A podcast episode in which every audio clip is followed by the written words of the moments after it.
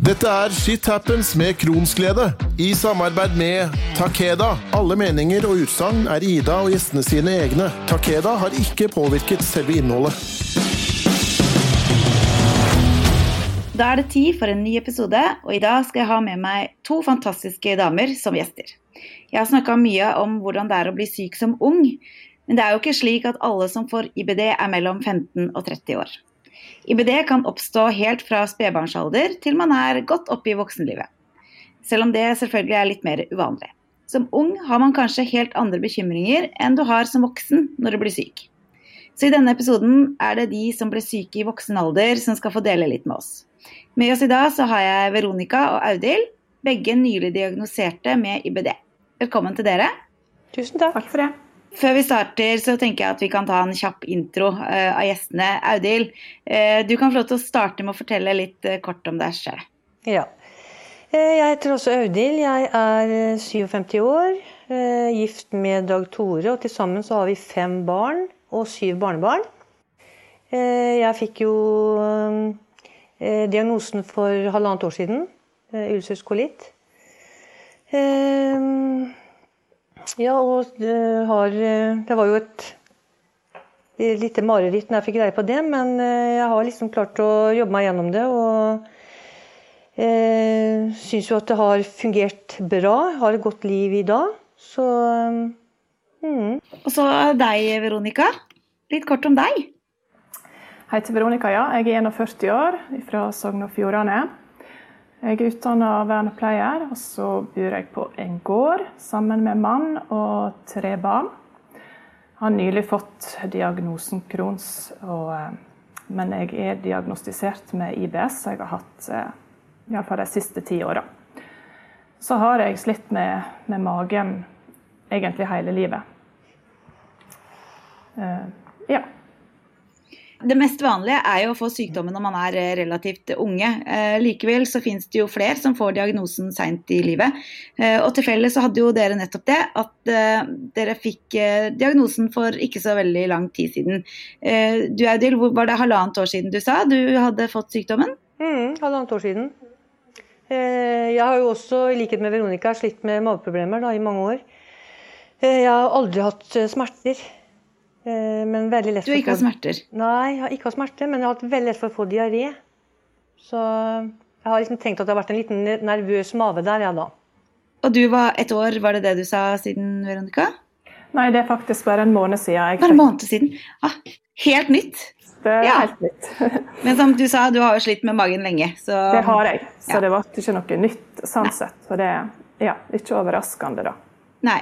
Det var ikke sånn at du, det, var, det her var ting du på en måte har kjent på lenge? Det var det, men det var mye som datt på plass når jeg fikk diagnosen. Ja. Mm, sånn er det jo gjerne når man får mm. en diagnose. så er det, Mange sier at de blir litt letta. Eh, fordi at eh, en får en forståelse, eller altså, Da blir alt mye mer forståelig. Var det sånn for deg? Det var absolutt sånn for meg, ja. Eh, det var en lettelse å få en diagnose. Eh, det var det absolutt. Før dere kom dit, at dere ble diagnosert, eh, hvordan hadde dere det da, og hva var symptomene? For som med andre sykdommer, så oppleves jo IBD forskjellig fra person til person. Veronica, hvordan forsto du at det var noe galt allerede da mange år tilbake i tid? Ja, jeg har eh, slitt med magen så lenge jeg kan huske, egentlig helt siden jeg var spedbarn. Og ungdomstida har vært mye luftplager, mye smerte. Det har kommet og gått litt, eh, og det har egentlig fortsatt i voksen alder. Eh, når jeg var voksen, sånn rundt 20 år, så fikk jeg i tillegg mye muskelproblem, hadde mye vondt i kroppen. Eh, og jeg, etter hvert så har jeg òg fått en sånn følelse av å være utmatta. Og med åra så har egentlig det blitt verre og verre. Eh, jeg har vært mye til legen for mine mageplager. Eh, og da For ti år siden så fikk jeg jo den diagnosen IBS og har på en måte slått meg til ro med det. Og ble òg introdusert for eh, lav FODMAP, som jeg har prøvd å følge. Ja, og det som gjorde at jeg fikk mistanke om at det var noe, noe mer nå, det var at at jeg hadde så store smerter som ikke gikk over. Jeg vant til å ha smerte i magen, men disse smertene gikk ikke over. Eh, og det ble etter hvert såpass vondt at jeg eh, kunne nesten sammenligne det med å ha rie. Eh, og da tenkte jeg at her er det noe som ikke stemmer, så jeg måtte ringe til, ringte til fastlegen.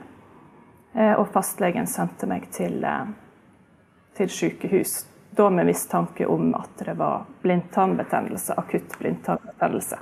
Ja. ja. Så da ble du lagt inn da, på en måte?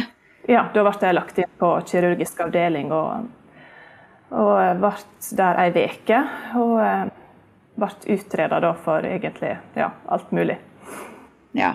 Og du eh, Audhild, hvordan forsto du at, du eh, at, ting ikke var helt som det skulle? Vet du hva, Jeg har vel egentlig alltid som jeg sier, jeg har også alltid slitt med maveproblemer. da, Men da i liksom en sånn veldig nervøs mave mye diaré.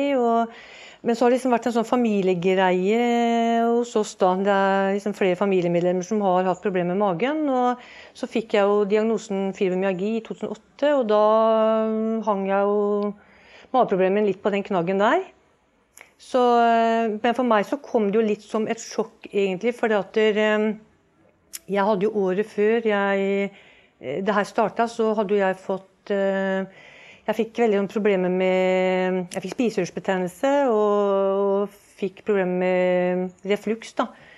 Og slet jo veldig med det og gikk jo på medisiner. Og når jeg slutta med den medisinen da i januar-februar eh, året etter, så starta jo det her umiddelbart. Og det var jo liksom Det var jo liksom fra egentlig normal avføring til eksplosjon. liksom det, Og blod og geléklumper. Så det var liksom det, det, ble liksom et sånn sjokk eh, ja, liksom Både òg, egentlig. Jeg, jeg, trodde jo at det var Litt voldsomt? Ja, det ble liksom veldig voldsomt. Og jeg tenkte jo Guland, nå har jeg fått tarmkreft, tenkte jeg. Ja, selvfølgelig. For, det, ja, for jeg hadde jo en mormor som hadde dødd av tarmkreft. og og så følte jeg vel liksom at jeg, jeg tok kontakt med fastlegen med en gang. og Bestilte meg time og sendte inn avføringsprøver to ganger. og Begge gangene så var jo avføringsprøvene normale. Eh, og, det, og eh, inflammatorisk tarmsykdom var jo liksom ikke oppe, det var ikke et tema overhodet, liksom. Han nevnte jo ingenting om, om, hva det kunne være, eller noe som helst. Og, og, men henviste meg til Kalnes, og øh, da fikk jeg bare beskjed om at jeg fikk jo time i september. Og jeg tenkte at jeg, jeg kan jo ikke vente, jeg kan ikke gå så lenge. Det her var jo helt et mareritt. Jeg hadde jo akkurat fått meg en liten jobb og, og det greiene her. Og, eh, men jeg, da purra jeg veldig sjøl. Jeg sto på veldig sjøl, og til slutt så fikk jeg en time inn på en privatklinikk i Oslo i 1.8. Så, eh, så da ble jo foretatt en koloskopi der inne, da. Når jeg liksom fikk den beskjeden da, at det var utsøkt kolitt, så gråt jeg vel en halvtime og syntes fryktelig synd på meg sjøl. Og så tenkte jeg nei, det her får jeg bare ta stramme meg opp på, tenkte jeg. Ja, for det er jo sånn at eh, Etter man har hangla en stund, så går man jo til lege. Eh, og den utredninga starter. Eh, jeg vil bare ta litt tilbake til, til den perioden der. For eh, hvordan opplevde dere dette? Dette her med utredning, det med å gå til fastlegen, begynne å eh, snakke om eh, hvordan dere har det. Altså, Blei dere trudd? Alt dette det lurer jeg på. Veronica, hvordan opplevde du det? Eh, jeg har gått mye til fastlegen med, i forhold til problemene mine, både for magen og det å føle seg utbrent, og det med muskelsmerter. Eh, og jeg har vært utreda for eh, revmatisme uten funn. Og jeg har vært ofte sykmeldt i perioder fordi jeg er så utmatta og har så, så, vondt i kroppen. Men, men det har på en måte ikke Legen har ikke funnet noe. Det har vært sagt at jeg er nok utmatta. Eh, eller jeg er utbrent, eller jeg er deprimert. Eh, eh, men ikke noe funn. Så det vært, akkurat det har jeg følt har vært en belastning. For det er jo òg belastning å føle at du er syk og kjenne at det er noe, men du har ikke helt en diagnose, eller du kan ikke sette ja, sette noe på det. da. Og Det er òg vanskelig i forhold til arbeidsgiver. for det det, er vanskelig å forklare. Jeg, jeg er trøtt, sant. Og ja, alle er jo litt trøtte. så, så, det har jeg syntes har vært veldig vanskelig eh, og utfordrende. Og det har jo òg gjort til at jeg, jeg går ikke til legen mer enn høyst nødvendig. For det, de finner jo ikke noe likevel. Så jeg har på en måte følt at det, det er kanskje det er meg det er noe med. Eh, og jeg skulle ønske at, eh, at legene visste mer, eller spesielt fastlegene kanskje visste mer om tilleggsproblematikken da, du kan ha når du har både IBS og, eh, og tarmbetennelser. At, at, det følger med vondt i kroppen, utmattelse. Eh, svimmelhet, eh, gjerne. Eh, for det er jo sånne ting som jeg på en måte har lest meg opp og funnet ut av sjøl. Eh, og jeg har gått mange år ut og inn av legen, men det er ingen som har sagt til meg at ja, dette kommer jo pga. magen. For det har jo noe med hele den følelsen av å bli trudd. Det har det absolutt. ja. Og det verste er jo å gå til legen og gå ut den døra igjen med den klumpen i magen at eh, Tror han at jeg faker? For det er jo ikke noe god følelse. Det er det absolutt ikke. Nei. Du Audhild, hvordan har det vært hos deg? Har, har, du følt deg trudd når du har gått til legen? Ja, altså jeg, eh, Tarmen min har jo liksom aldri vært et tema når, har, når jeg har vært hos legen. Da. Det har jo vært andre ting som har, eh, som har vært eh, fokus på. Og der føler jeg vel liksom at jeg har fått ordentlig hjelp. Så jeg vet ikke Det er som Runika sier, at uh, antagelig kan de kanskje for litt om det. Eller, for jeg tenker liksom når jeg da kom og fortalte hva som hadde skjedd med meg, da, den eh, eh si, eksplosjon og blod og gelé og alt det grann her, og at han da ikke liksom kanskje kommer med et eller annet, men det, det var liksom aldri oppe, og jeg, det var heller ikke mine tanker, egentlig. Jeg tenkte jo liksom, som jeg sa, først tarmkreft, og så etterpå så tenkte jeg kan det være cøliaki? Det var, liksom, det var liksom de to tingene jeg tenkte på. Jeg tenkte aldri at det kunne være en betennelse i tarmen eller, eller noe sånt. liksom. Og, og, og, da når han sendte også de avføringsprøvene og ikke fikk eh, eller altså fikk svar på at de var bra, så, så var det helt egentlig tilfeldig. For eh, de hadde en vikar som kontordame, og jeg var der og tok noen blodprøver. Og så sto også den eh, vanlige kontordama der, og så kom vi inn på det her med med det tarm, eller avføringsprøvene. Og da sier hun nye kontordama at For hun jobba jo et annet sted, egentlig. Og da sier hun at vi bruker alltid å sende avføringsprøvene våre til jeg vet ikke om det var Fürst eller hva det var. Eh, og sa hun vanlige kontordama mi da at nei, det gjør ikke vi, sender til Kalnes, sa hun da.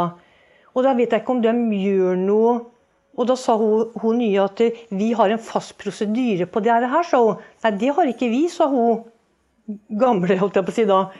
Og da tenkte jeg i all verdens land og rike, liksom, har de ikke samme prosedyrer? Og antagelig så så de etter helt andre ting. Jeg, altså jeg vet ikke, men det var jo så mye betennelse i den tarmen at jeg syntes det var rart at de ikke oppdaga det. Den, ja, det det syntes jeg var helt merkelig. Det er, jo, det er jo egentlig skummelt. Ja, veldig. Og da tenkte jeg liksom at, og da fikk jeg høre om to tilfeller hvor liksom noen hadde fortalt om at ja, avføringsprøvene var bra, og så visste at den ene hadde jo kreft, og den andre var det et eller annet med. Og da tenkte jeg men guri land, da blir det jo helt svett, liksom. Så nei, nei det, det, akkurat det syns jeg var veldig ubehagelig. Så, det skjønner jeg veldig godt. Så jeg fikk egentlig ikke greie på noe før jeg kom, eh, hadde tatt den eh, koloskopien. Nei, og så er det jo, Dere får jo da, etter alle undersøkelser dere må gjennom, jeg regner med dere har vært gjennom eh, koloskopier og eh, Jeg skal komme litt tilbake til det etterpå. Men eh, når dere får en diagnose, var dere kjent med diagnosen på forhånd? Følte dere på en måte at eh, dere fikk god nok informasjon der og da? Eh, ja, Veronica først. Jeg hadde hørt om diagnosen, men jeg hadde aldri tenkt at jeg hadde Crohns. For jeg hadde jo på en måte slått meg til ro med at jeg har IBS, og det er på en måte det som er, er, er hovedproblemet mitt. da. Eh, men jeg ble ikke overraska. Eh, eh, det ble jeg ikke, men jeg fikk heller ikke Altså Den informasjonen jeg fikk, det var jo det jeg las meg opp på. For nå var jeg òg innlagt på, på kirurgisk avdeling, så de hadde jo ikke så mye kunnskap om, om akkurat diagnosen. Eh, men jeg har fått eh, snakka med, med, lege på telefon og, og sånn, og jeg får, eh, får, ringe hvis det er noe. det har jeg ikke hatt behov for ennå. Og jeg får god oppfølging. Jeg skal inn igjen både i juni og, august, så jeg føler jo at jeg blir godt ivaretatt. Men, men informasjonen har jeg jo da funnet sjøl. Du Audhild, åssen var det med deg? Var du kjent med diagnosen på forhånd? Ja, altså ja, jeg, jeg var det. Og jeg opplever jo litt sånn som Veronica sier, at jeg måtte lese meg opp uh, uh, sjøl. Og ikke kanskje før jeg kom til Nå tok jo jeg denne koloskopien 1.8 og, og kom til spesialist da på Moss sykehus i november. Og da først følte jeg liksom at jeg fikk informasjon. Han var veldig dyktig, den legen jeg kom til der. Og da hadde jo jeg, med samme jeg fikk eh, den diagnosen da, etter koloskopien, så, så, la jeg om kosten min direkte til gluten- og laktosefritt. For jeg tenkte at det vil jeg, vil jeg, prøve og se om det kunne ha en effekt. da. Og, og når jeg kom inn til spesialisten, så fortalte jeg det til han, og han sa at det, det var ikke liksom bevist at kosten hadde noe å si for, eh, eh, liksom for sykdommen, da. Men hvis jeg følte at det hjalp, så kunne jeg bare fortsette med det. Og han snakka også om den her Lav Foodmap. Jeg hadde jo også hørt om det, men jeg hadde jo aldri vært borti egentlig det. da. Eh, og da fikk jeg jo en liste av han med, liksom, ja, med hva jeg kunne spise og ja, hva som var bra og ikke bra og sånne ting.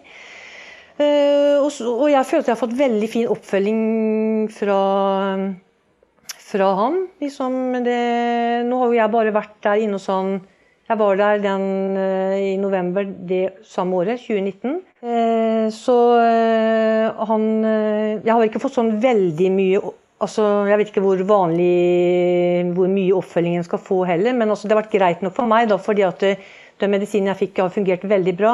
Og så har jeg vært og fått sånn hjerneoverføring.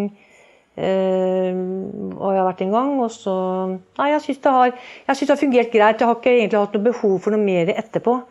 Men, eh, men har, jeg syns han har engasjert seg veldig. for som jeg sa, nevnte at jeg er jo under en ny utredning. Og, og da har han liksom han har gått inn og sett på de nye prøvene sjøl og liksom, ja, fulgt med litt av det sjøl. Og bedt om ekstra hvis det har vært nødvendig og sånne ting. Så jeg føler at han liksom følger opp bra. Så bra.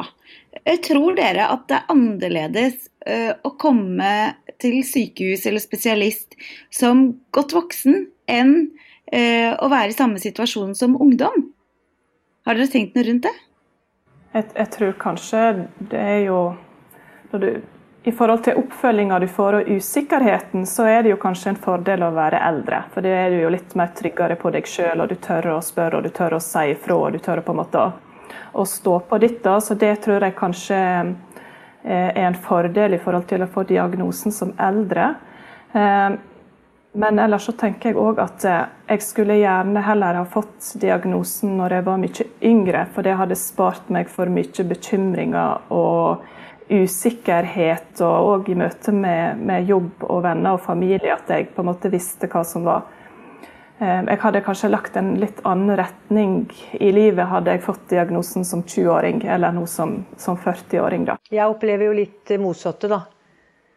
At jeg føler, jo, jeg føler jo at jeg kanskje har vært heldig som har fått den såpass sent. da. Jeg tenker liksom skulle eh, jeg tenker på dem som er i eh, unge og etableringsfasen, skal stifte Eller kanskje få kjæreste og alt det greiene her. og og småbarnsforeldre og sånne ting. Jeg, jeg tenker liksom Guland om jeg hadde fått det her når ungene var små, liksom. For det, her, det er jo som du sier, Veronica, det er jo mye utmattelse og, og dårlig energi. Og nå, føler jeg, nå har jeg jo liksom bare meg sjøl å tenke på, egentlig. Jeg skulle gjerne hatt mer energi til barnebarna mine, men, men dog jeg Nei, jeg føler liksom at det her eh, Det her syns jeg var eh, når jeg først fikk det, så var det bedre at jeg var såpass uh, oppe i åra enn uh, en yngre. Så lurer jeg litt på, uh, for, for, min egen del, som var 17 år da jeg ble syk, så var det jo helt naturlig at jeg måtte være mye åpen. Ofte så var kanskje åpenheten også større enn jeg sjøl var villig til å gi til tider, pga. ja, foreldre tar valg for deg og, og sånne ting. Men hvordan har det vært hos dere i forhold til eh, åpenhet. Mange syns det er vanskelig å snakke om eh, en så eh, privat sykdom. Eh, Audhild, Har du vært åpen? Har du fortalt barnebarna om sykdommen din, venner, familie, eller har du bare Hva har du valgt? Jeg, jeg, var nok veldig Jeg fortalte nok ikke noe om det til å begynne med. Jeg, jeg tror jeg fortalte det til eh, barna våre uh, uka før jeg skulle ta koloskopi. Da fortalte jeg at jeg hadde problemer med mage og tarm, og at jeg skulle inn og ta en undersøkelse. Eh, moren min og mannen min visste jo selvsagt om det her, da. Men eh, jeg hadde ikke fortalt noe til si, søsken eller venner eller noe sånt. Og det tok liksom lang tid etter jeg hadde fått diagnosen nå, som jeg fortalte det. For jeg, jeg vet ikke, jeg følte meg liksom eh, Jeg følte meg liksom urenslig på en måte. At jeg liksom Veldig sånn skambelagt, egentlig. Jeg, veldig sånn rart, egentlig. For jeg tenker liksom mange ganger at hadde noen fortalt meg det, så, så hadde jo ikke jeg reagert sånn. Men jeg følte liksom på den måten at det, eh, Så det tok eh, ja, nei, det tok veldig lang tid før jeg liksom fortalte noe om det. Altså. Eller kunne prate liksom normalt om det. det. det. er bedre nå, men eh, det er ikke sånn at jeg går rundt og forteller det til alle og enhver. Altså. Det gjør jeg nok ikke. Og du, eh, du Veronica, hva, hva har du valgt? Eh, jeg har valgt å være åpen om det. For det, sånn som det var med meg når jeg fikk diagnosen, så var jeg, ble jeg akutt innlagt på sykehus. Og familie og venner lurte jo på hva det var. Sant? Så eh, jeg måtte jo Når jeg da hadde fått diagnosen, så var jeg åpen og fortalte hva det var. Eh, og det har vært helt naturlig for meg å fortelle det. Men det er ikke sånn at jeg rundt å fortelle det til til alle. Det, jeg forteller det på en måte når det er naturlig å, å fortelle det. da. Ja. Har dere opplevd eh, ubehagelige episoder rundt det? Å fortelle, mener du? Eller? Ja, ja å fortelle om det. Ja. Nei, det har jeg aldri gjort. Nei. Veronica? Nei, det har ikke jeg. Nei, så bra. Nå var jo du allerede ufør, Audhild, når du ble syk. Eh, men Veronica, jeg må nesten spørre. Eh, som ung er det jo skole vi ofte må ha fravær fra, men som voksen så er det jo jobben som gjerne lider. Eh, hvordan har dette med jobb, sykemeldinger, sykdom også, Hvordan har dette fungert for deg? Eh, det har vært en veldig stor utfordring eh, for meg. For jeg har jo på en måte hatt størst problem fra jeg var i 20-åra. Og etter at jeg begynte å jobbe og jeg fikk barn. Eh, så jeg har egentlig aldri klart å jobbe 100 eh, Jeg har prøvd, men jeg har vært så utsliten og utmatta at det har ikke gått.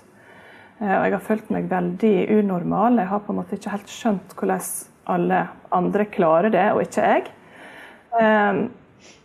Så jeg har strekt meg veldig langt for å få det til, men det er klart det har jo resultert i at ting blir verre. ikke sant? Fordi at jeg blir det, det, blir stress, eh, det blir utmattelse, jeg får vondt i kroppen, jeg får vondt i magen. Mm. Så da har jeg jo til tider sykemeldt meg. Eh, og så har jeg gått ned i stilling. Så det meste jeg har klart å jobbe, er vel 80% men det, det er egentlig fortsatt for mye. For det, det blir lange dager, og du har på en måte ikke Jeg har ikke overskudd til for familien jeg kommer hjem, fordi jeg, jeg tar meg sånn ut på jobb. Ehm, så det har vært en veldig stor utfordring.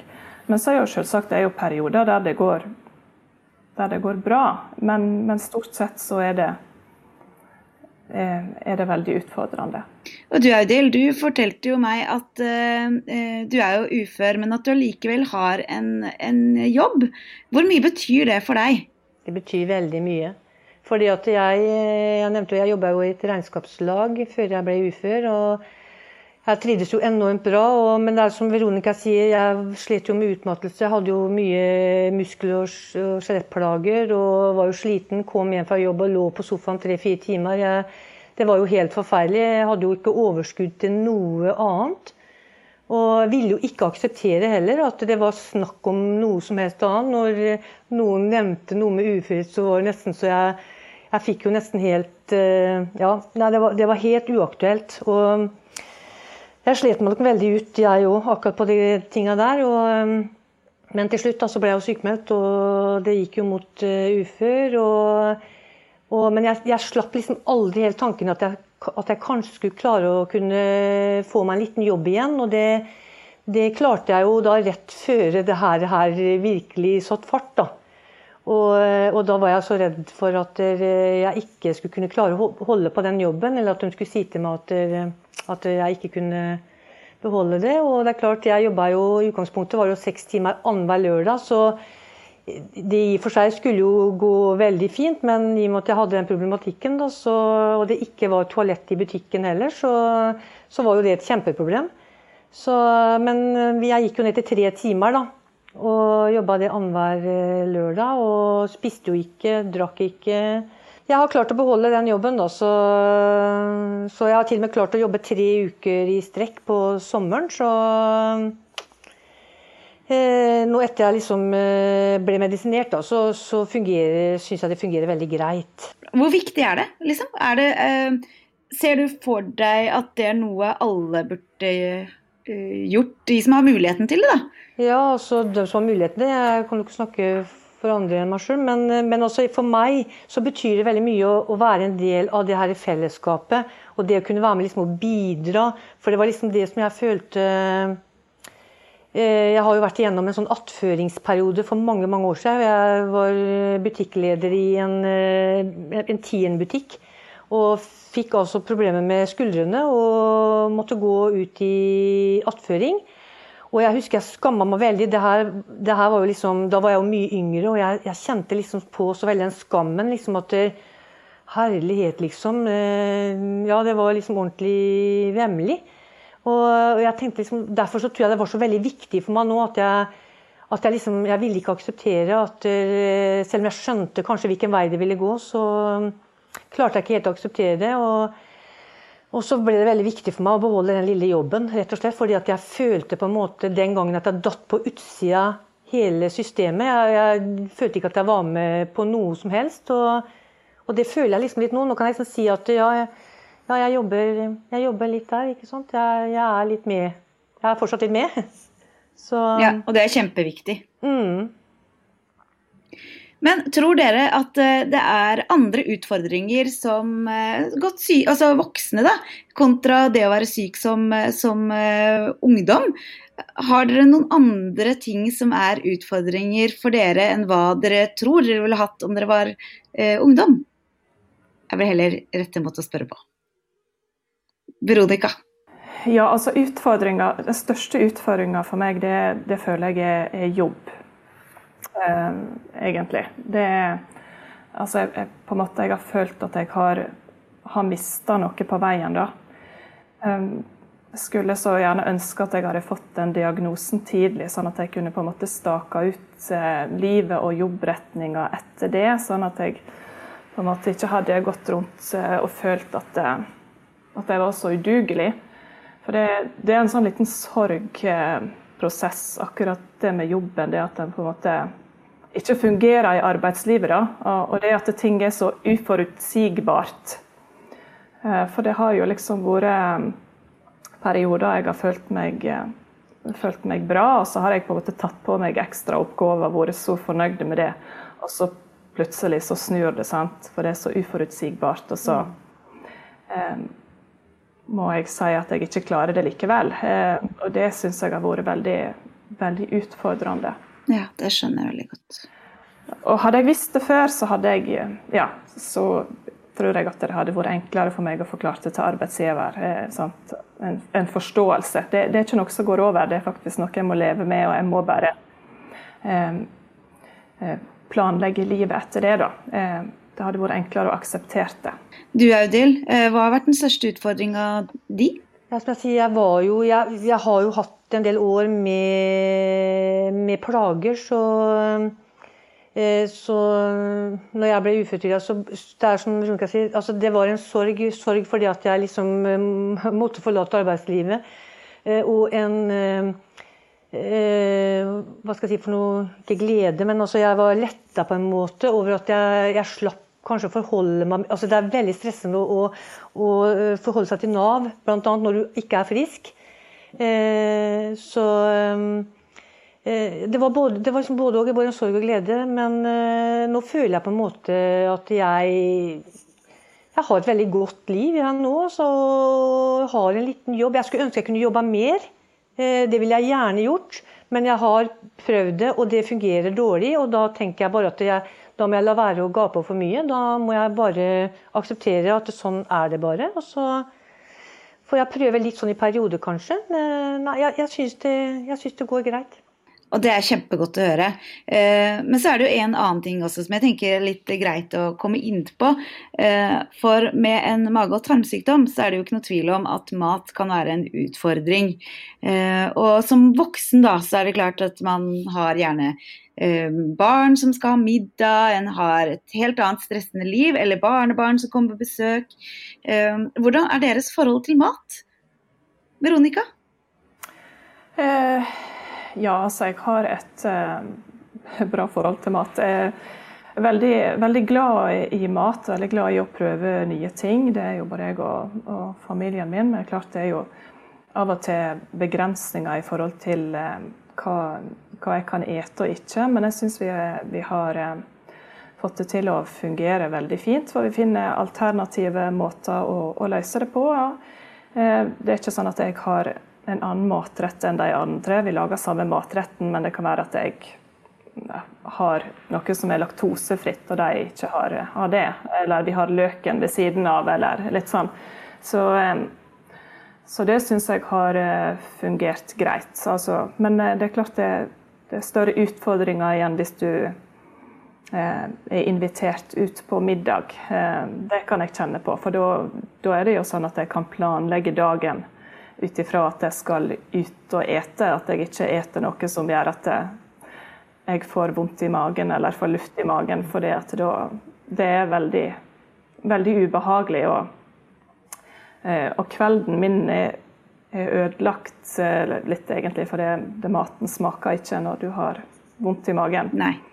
Men, men, jeg tror ikke de rundt meg eh, klarer å se det. For jeg, jeg skjuler det jo veldig. Sant? Jeg vil jo veldig gjerne være med ute og være sosial, men jeg um, ja, holder det inne. en god maskebærer. Ja. Mm. Du Audhild, hvordan, hvordan, forhold har du til mat etter dette, dette sykdommen kom?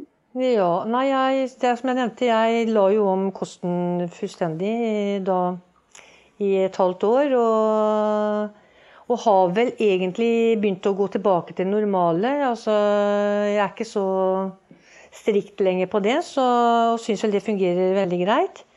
Eh, jeg er jo litt mer forsiktig når jeg skal på jobb, og som Veronica sier også, hvis jeg vet jeg skal eh, bort på et eller annet, så er jeg veldig kanskje forsiktig med hva jeg putter i meg. Og, men stort sett så syns jeg det går greit. Jeg jeg eh, Tyggegummi og pastiller er helt slutt på, nesten. Det er eh, Det merker jeg at det tåler jeg ikke overhodet.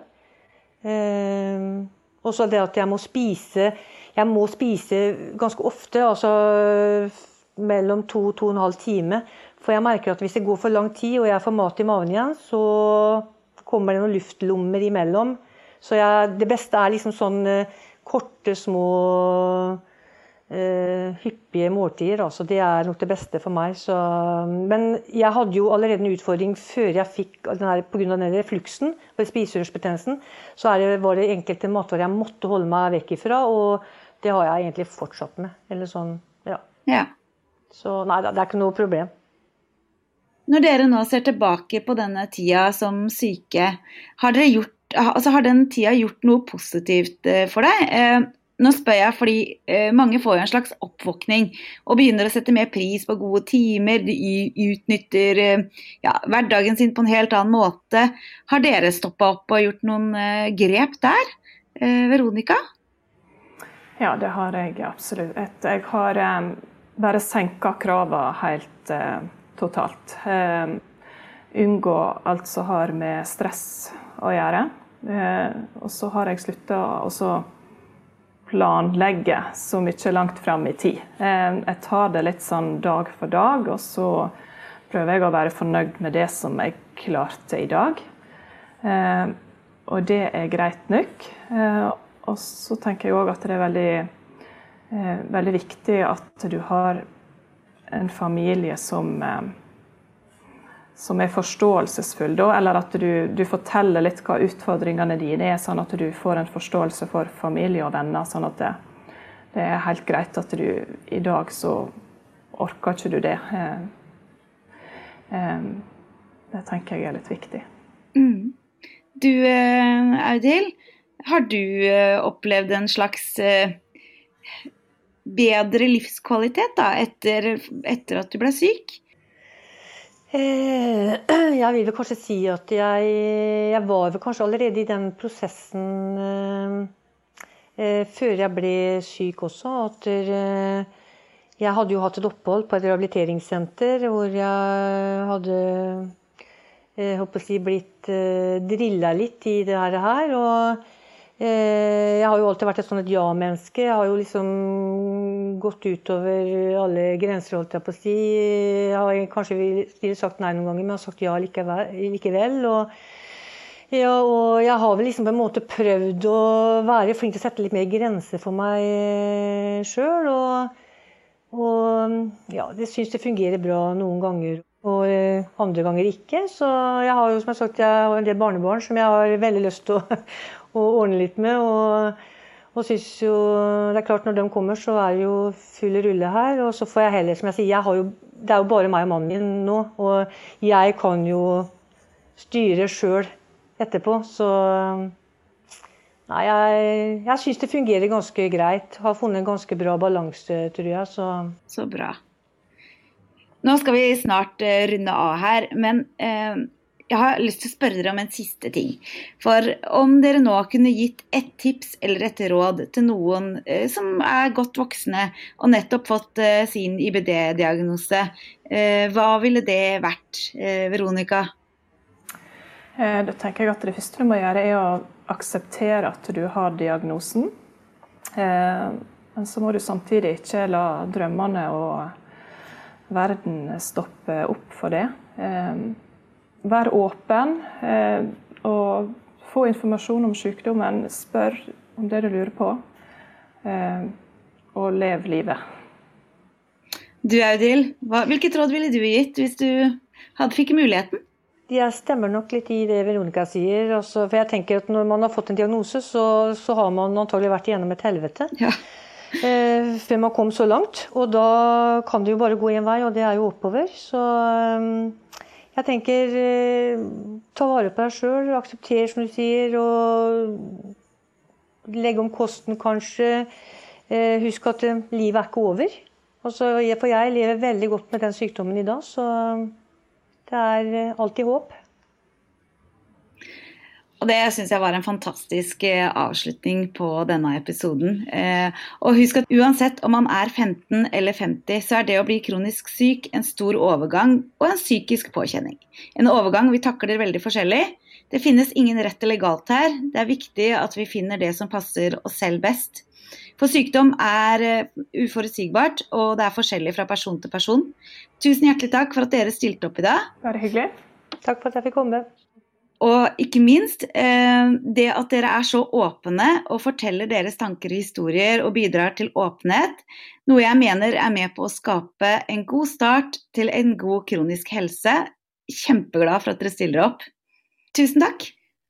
Om du som hører på har spørsmål om dagens program eller har tips og råd til meg, så ta kontakt på kronsglede alfakrølloutlook.com. Du finner meg på Facebook på siden som heter Kronsglede. Om du liker sida, så vil du få tilgang til alle podkastepisoder. I tillegg så finner du mye annet relevant info om IBD. Jeg holder også foredrag, er IBD-rådgiver og konsulent, så har du spørsmål rundt dette, så send meg gjerne en melding. På Insta finner du meg under navnet shithappens understrek kronsglede. Aller viktigst, husk å abonnere på podkasten, slik at du får varsel når neste episode kommer. Til vi høres igjen. Sykdom har ingen alder eller ansikt. Vis godhet og forståelse til de du møter på livets vei. Du vet ingenting om hva personens personlige kamper er. Shit happens med Kronsglede i samarbeid med Takeda.